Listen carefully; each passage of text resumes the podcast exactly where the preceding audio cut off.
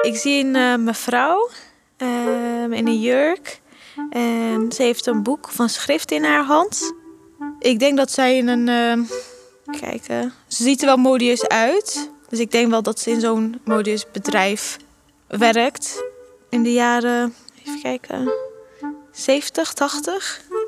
Denk ik, als ik zo naar die haarkapsel kijk. En een beetje naar die jurk. En ja, ze loopt. Uh, ze kijkt naar beneden. Ik denk dat ze een drukke dag heeft gehad op werk. En dat ze nog aan dingen moet denken op werk, wat ze heeft gedaan, wat ze nog moet doen. En ik zou haar adviseren dat ze, ja, zodra ze naar huis gaat, dat ze dat wel los moet laten. En dat ze een manier moet vinden voor haarzelf om dat ook echt los te kunnen laten. En dat ze niet haar werk naar huis moet meenemen. En daar zit ze dan denk ik ook mee. Dat als ze dan thuis is, dat ze dan nog steeds achter haar laptop. Ja, tenminste, in die tijd had je natuurlijk geen laptop. En maar achter haar boeken, schriftjes, dat ze dan nog wel doorwerkt. Eh. Ja, als ik zelf uh, ook druk in mijn hoofd heb, dan, ja, dan loop je ook zo. En dan ook naar de grond kijken. En dan denkend aan de dag, aan de zware dag die je hebt gehad. Ja, nu met school. Net uh, begonnen, gestart met school.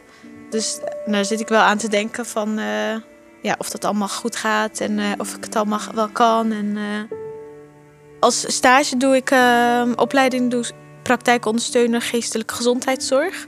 De huisarts ondersteun je dan eigenlijk met, ja, met cliënten, patiënten met psychische klachten.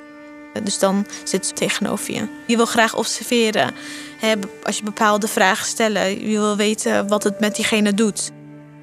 Als je bijvoorbeeld net een vraag stelt, dat ze dan even wegkijken. Of dat ze even blokkeren. Of dat ze even heel anders gaan zitten. Of hè, de houding.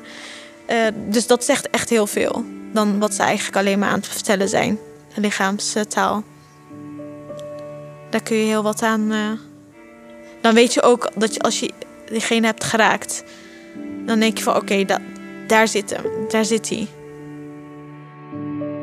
Maar het is ook wel dat ik het heel snel weer kan loslaten. Het is niet dat ik blijf hangen daarin. Het is gewoon even een momentje.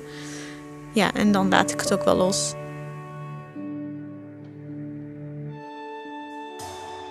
Nou, ik ben Real Erkan en ik woon in Apeldoorn, ben 29 jaar. Uh, en ik werk en uh, loop stage, doe een opleiding. Uh, ja, dat was.